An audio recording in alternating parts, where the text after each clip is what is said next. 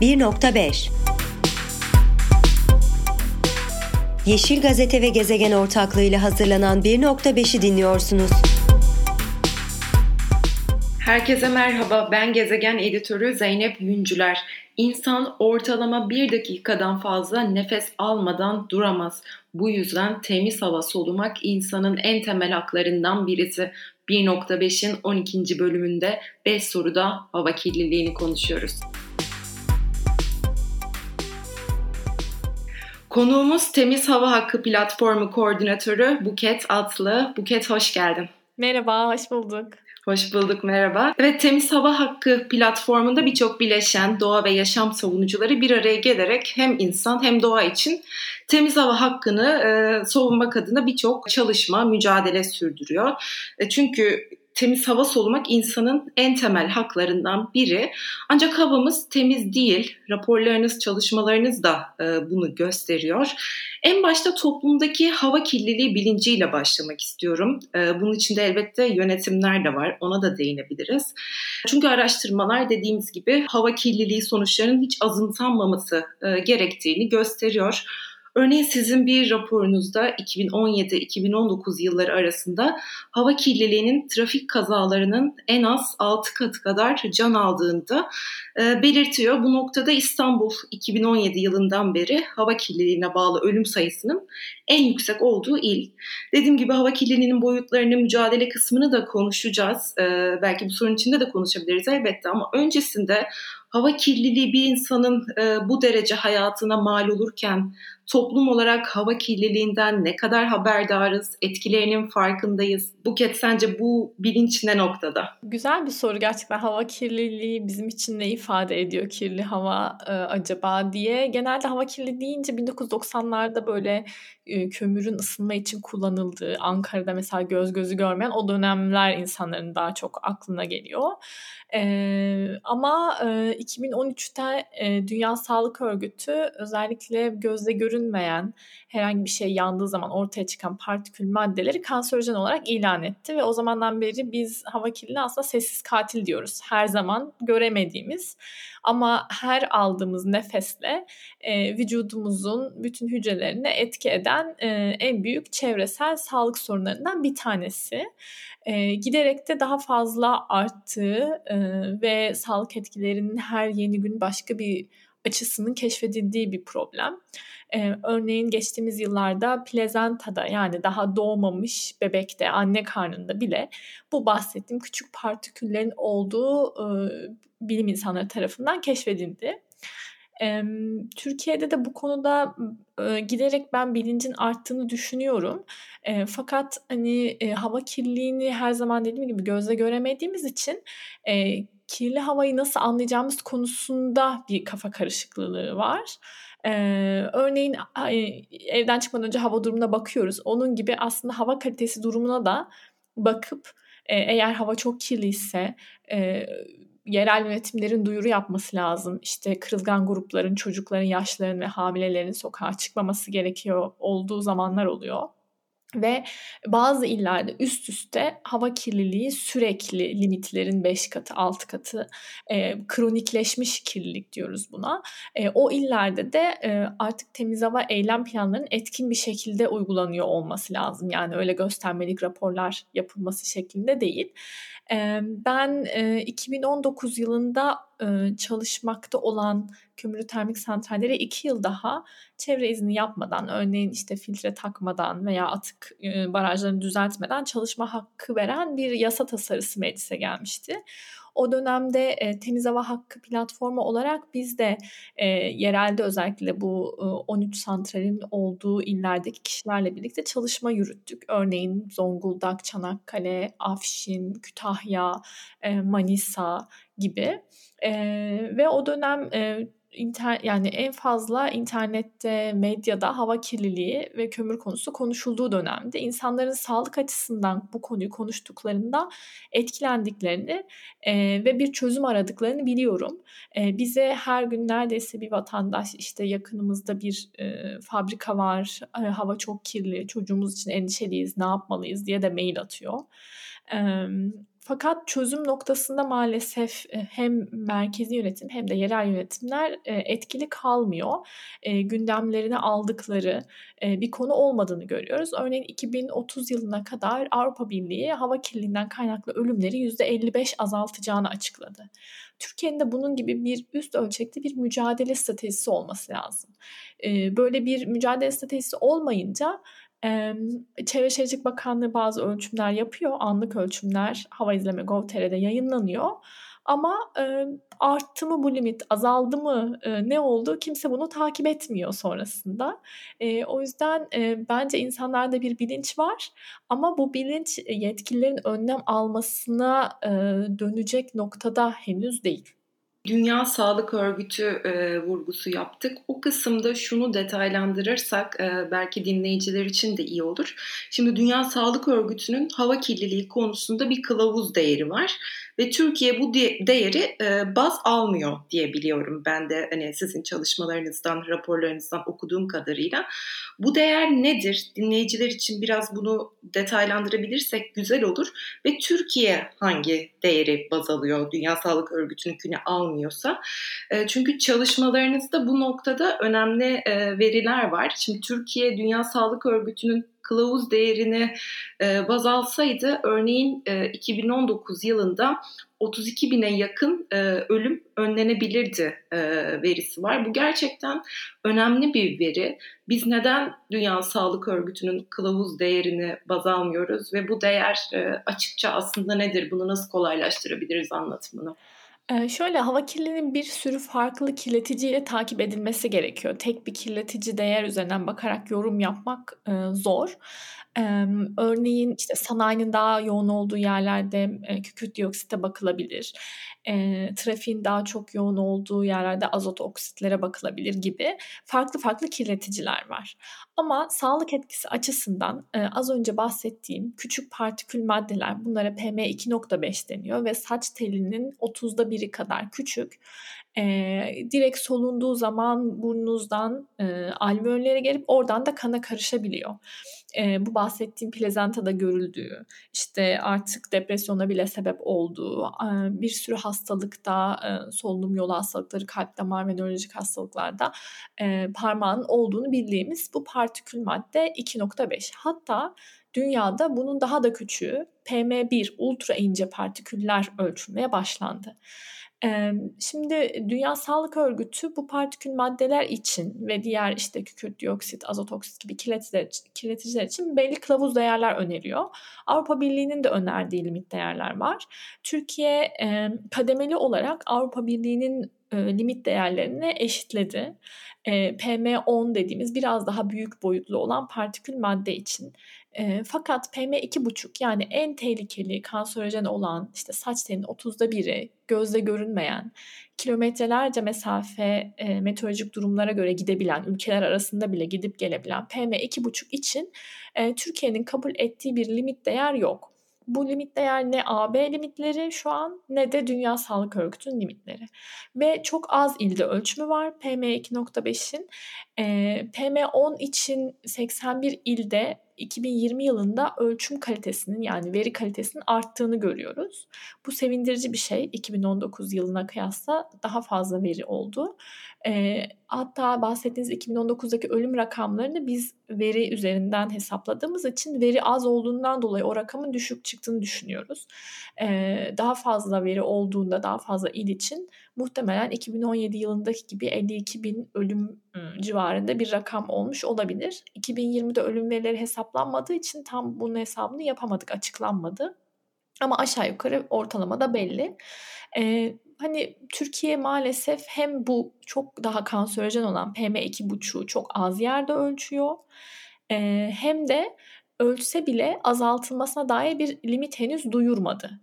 Ee, bu da biz sağlık açısından duyurulacak olan limitin Dünya Sağlık Örgütü'nün önerdiği kılavuz değerler olması gerektiğini düşünüyoruz. Avrupa Birliği limit değerleri genelde mevzuatımızda e, örnek alınıyor ama o bile henüz e, duyurulmadı. Bir de bu yıl e, önemli bir gelişme oldu. Hmm, hava kirliliği Covid'in de büyük bir bağlantısı var. Yani sürekli kirli hava soluyan yerdeki insanlar örneğin akciğer kanseri, koa gibi hastalıklar da e, ya da diyabet bile e, bunlara zemin hazırladığı için koronada daha kırılgan oldular, daha ölümcül atlattılar veya daha kötü atlattılar. E, hava kirliliğinin de aynı zamanda bu virüsün vücuda girişini kolaylaştırdığını da e, bilimsel çalışmalar gösterdi. E, o yüzden Dünya Sağlık Örgütü bu sene bazı önerdiği kılavuz değerleri aşağıya çekti. Böyle bir açıklaması oldu. PM2,5 içinde, PM10 içinde. E, Türkiye kabul edeceğini söylediği taslak yönetmelikte PM2,5 için bazı limit değerler duyurdu ve bu limit değerleri ta 2029'da kabul edecek. Ve bunlar aslında eski limit değerler olmuş olacak.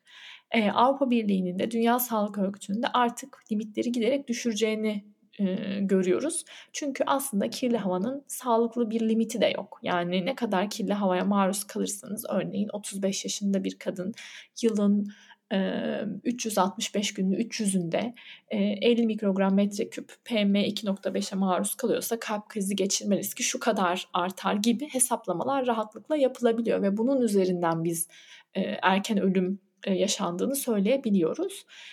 O yüzden maalesef biz PM2.5 konusunda hem limit değerler belirlemedik hem de ölçümde çok gerideyiz. Böyle olunca da azaltmak için stratejiler geliştirmek de mümkün olmuyor. Girişte de önemli bir noktaya değindin. Oradan devam etmek istiyorum. Bilinç meselesiyle belki bağlantılı. Örneğin sabah evden çıkarken veya işte işe giderken e, meteorolojiye bakıyoruz. Bugün hava soğuk mu olacak, yağmurlu mu olacak, sıcak mı olacak ama havanın kalitesini kontrol etmek herhalde hiçbirimizin e, yani aklına gelen e, bir durum değildir. E, bunu belki işte örneklendirebiliriz. Nasıl yakın zamanda İstanbul ve Ankara'da Kasım ayının ilk haftasıydı sanırım bir smog, duman, duman kirliliği yaşadı iki şehir. Biz bunu ilk başta sis zannettik. Hatta resmi açıklamalarda hep sis yönündeydi. Örneğin ben o gün iş çıkışı vapurla eve dönemedim. Resmi açıklama sisten dolayı vapurların iptal olduğu yönündeydi. Smogdan veya duman kirliliğinden dolayı vapurlar iptal denilmedi. Neden smoga sis denildi ayırt etmek çok zor. Bu gibi günlerde resmi bir ölçüm yapılmıyor mu? Örneğin o gün e, Çevre ve Şehircilik e, ve İklim Değişikliği Bakanlığı bir ölçüm yaptı ve buna sis mi dedi? Çok güzel bir soru. Biz de o o o dönem, eee, bir sürü gazetede demeç verip açıklamaya çalıştık. Sosyal medyadan da duyurduk. Emm, şimdi bu yani hava kirliliği konusu hem, eee, aslında doktorların hem de çevre alanında çalışan meteorologların hepsinin birlikte interdisipliner çalışması gereken bir konu. Eee, ve sis dediğimiz şey, eee, yani meteorolojik bir olay sonucu sıcak havanın yükselememesi, soğuk havanın onun üstüne gelip aşağıda kalmasına sebep olması. Ama o bahsettiğimiz süreçte yaşanan şeye neden smog yani, eee, duman kirliliği diyoruz? Çünkü yükselemeyen hava kirli hava. Yani herhangi bir normalde işte Karadeniz'de yaylalara çıktığında gördüğün ya da e, aromantik şey dediğimiz sis değil. Aşağıdaki hava kirli olan bir hava. Eğer aşağıdaki hava kirliyse bu durumda yükselemeyip e, şehrin üstüne çöküyor ve e, özellikle Londra'da bu hava kirliliğinin ta çok eskiden büyük olay olmasını sağlayan e, temiz hava yönetmeliklerinin yasalarının çıkmasına sebep olan da buna benzer bir süreçti. Kirli hava şehrin üzerine çöküyor uzun süre yükselemiyor ve insanlar onu soluduğu için ölümler, hastaneye başvurular artıyor. Sisin varlığını anlayamaz mıyız? İstanbul Büyükşehir Belediyesi'nin de İstanbul İl Çevre Şehircilik ve İklim Değişikliği Müdürlüğü'nün de bir sürü ölçüm cihazı var. Aslında İstanbul ölçüm açısından daha fazla olanağa sahip olan bir il. Fakat genel olarak mesela birçok ilde bir tane bile ölçüm cihazı yok ya da o cihaz varsa bile doğru yerde mi emin değiliz.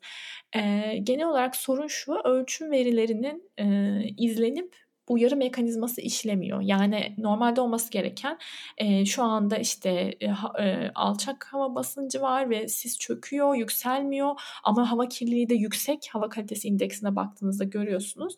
O zaman bu bir e, duman kirliliğine sebep olabilir. İnsanlar kirli hava soluyacak. Hemen e, nasıl şey olacağı zaman fırtına geliyorsa, uyarı yapılıyorsa ona benzer bir şekilde e, valilik koordinasyonuyla uyarı yapılması, e, bunun işte haberlerde söylenmesi, insanların dışarı çıkması için uyarılması gerekir.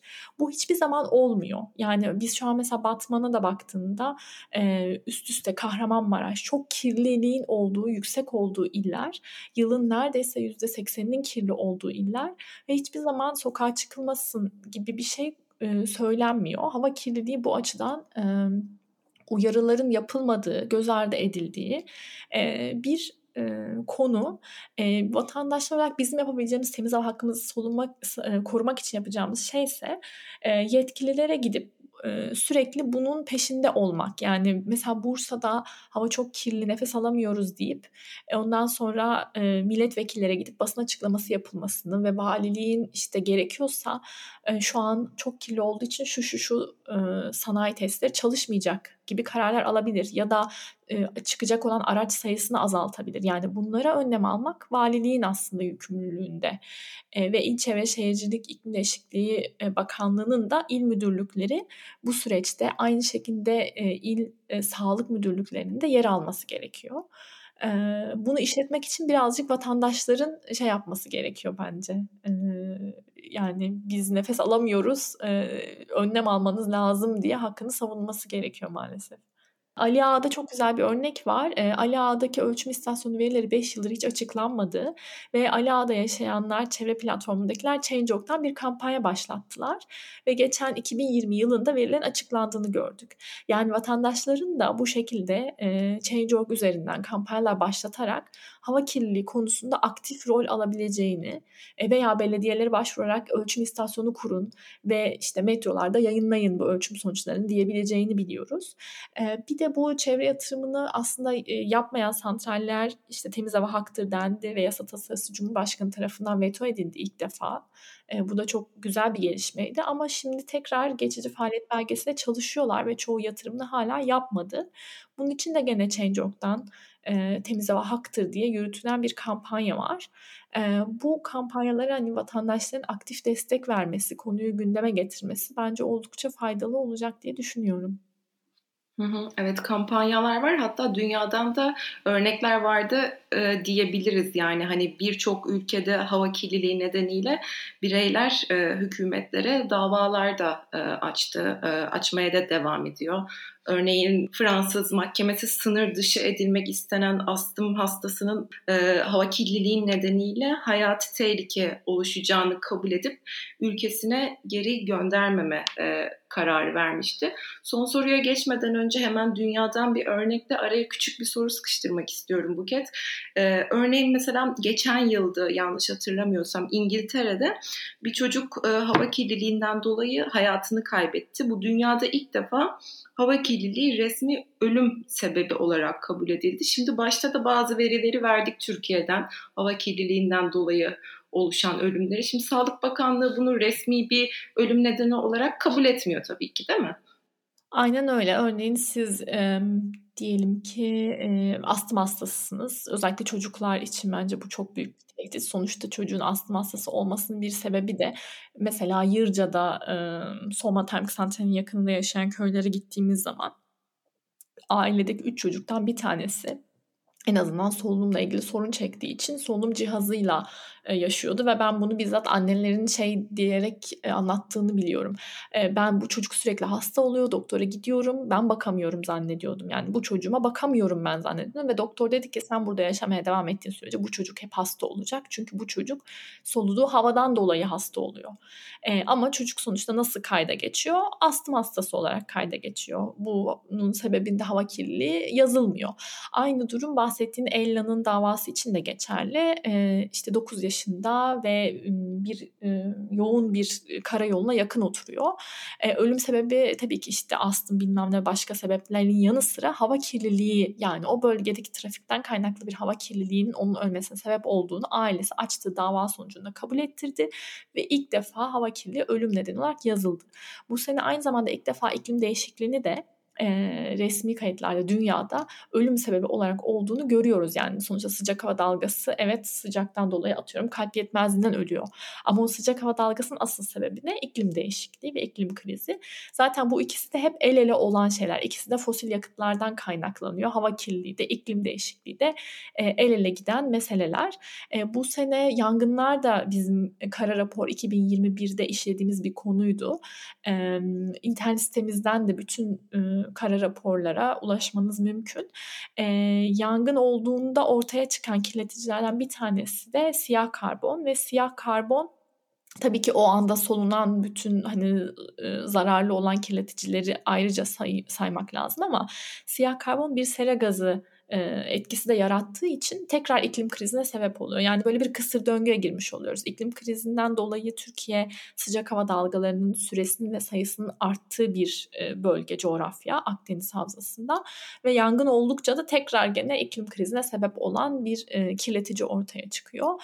Yapılması gereken şey hem hava kirliliğiyle hem de iklim değişikliğiyle birlikte mücadele etmek. Bunun da birinci yolu aslında bizim 2053'te işte şimdi karbon sıfır olma hedefi açıkladıysak hani samimi bir şekilde kömürden de çıkış e, tarihi vermemiz lazım ki Türkiye'nin 2030'da kömürden çıkabilmesinin mümkün olduğunu yapılan modelleme çalışmaları da e, gösteriyor. E, bunun için de e, genç iklim aktivistleri de kampanya yürütüyorlar. Aslında bir bakıma da hani 2030 yılına kadar Türkiye'nin bazı senaryolarda kömürden e, çıkabileceği e, durumu var. Ama şu anki e, güncel gelişmeler bunun tabii çok gerçekçi olduğunu göstermiyor. E, Buket açıklamaların için çok teşekkür ederim programa da katıldığın için. Ben de sonda aslında iklim krizi vurgusunu yapacaktım. Yani ulusal bir strateji planı olamaz mı Türkiye'nin diyecektim. Sen e, yanıtlamış oldun. Çok teşekkür ederim cevapların için. Ama eklemek istemek istediklerim varsa lütfen buyur. Tekrar şey hatırlatayım. Ben teşekkür ederim güzel sorular için. E, sonuç itibariyle aslında e, ben hani 10 yıl önce e, uzun zamandır kömürle ilgili de çalışıyorum. Bu süreci de takip ediyorum. 10 yıl önce e, şeyi hayal edemezdim. Yani çevre yatırımlarını tamamlamış olan santrallerin e, sağlık etkisi yarattığı sebebiyle Cumhurbaşkanı tarafından da veto edileceğini ve 6 ay kapalı kalacağını hayal edemezdim. Tabii ki bu bir satranç oyunu gibi e, maalesef işte bir ileri bir geri gidiliyor ama temiz hava solumak bir hak ve bu çok net yani nefes almadığınız zaman belli bir süre ben yemek yemeyebilirsiniz, aç kalabilirsiniz, susuz kalabilirsiniz gene bir miktar idare edersiniz ama havasız kalmanız imkansız ve her aldığınız nefeste siz de zehirleniyorsunuz, yanınızdakiler de, onların çocukları da. O yüzden temiz hava soluma hakkını e, talep edildiği zaman ve doğru şekilde talep edildiğinde mutlaka e, karar vericilerde de karşılık bulduğunu biliyorum. E, bu Çin'de de örneklerini gördük. Hani ne kadar e, baskın demokrasinin olmadığı bir ülke olmasına rağmen Çin bile e, hava kirliliğinden kaynaklı ölümleri azaltacağı için bir taahhüt verdi, açıklama yaptı. Yani aynısı Türkiye için de geçerli. E, Türkiye bunu yapabilir. Hava kirliliğini azaltmak için ondan kaynaklı ölümleri azaltmak için bir genel strateji açıklayabilir. E, temiz hava eylem planlarını daha etkin uygulayabilir. E, ve iklim krizine sebep olan kömürden çıkacağını da 2030 yılına kadar gayet açıklayabilir. E, ve kimsenin bütçesine zarar gelmeden adil bir dönüşümle kimsenin işsiz kalmadığı bir yola girebilir. E, bunun için avantajlı da durumdayız. Çünkü bazen sonradan gelmek, e, Amerika'yı yeniden keşfetmemek çok anlamlı. Yani bir Çin kadar gökyüzünün görünmediği, projeksiyonla güneş yansıtmak zorunda kaldıkları bir noktada da değiliz. Bu da çok iyi bir şey. Ya da işte İran gibi okulların hava kirliliğinin o kadar tatil edindiği haftalarca bir noktada değiliz. Ama bazı illerimizde yıllardır süren, örneğin Afşin'de tekrar santral çalışmaya başladıktan sonra, Afşin A ve B santrali çalışmaya başladıktan sonra kara kar yağmaya başladı. Ve videoları geldi. Yani bayağı simsiyah yağıyor kar. Hani bu örneklerde var. O yüzden hep birlikte temiz hava soluma hakkını talep etmemiz lazım. Ve ben bunun başarılı olacağını düşünüyorum. Lütfen e, vatandaşlar olarak hem ölçüm konusunda belediyelere gidebiliriz, kendi kendiniz ufak cihazlar alabilirsiniz. Dünyada bu da var. Vatandaş bilimi de yaygınlaşıyor. ve kirli havayı gösterip bunun azaltılması için bunun peşinden koşmak gayet mümkün. E, başarıya da ulaşacağını düşünüyorum. E, biz de bu süreçte uzmanlık bilgisiyle e, destek olabilirsek ne mutlu. Temizhavahakkı.com internet sitemizden de çalışmalarımıza ulaşabilirsiniz. Buket tekrar teşekkürler katıldığın için. Ben teşekkür ederim. Teşekkürler. Evet 1.5'in 12. bölümünü dinlediniz. Bir dahaki bölümde görüşmek üzere. Hoşçakalın. Podfresh teknik altyapısıyla hazırlanan 1.5'i dinlediniz.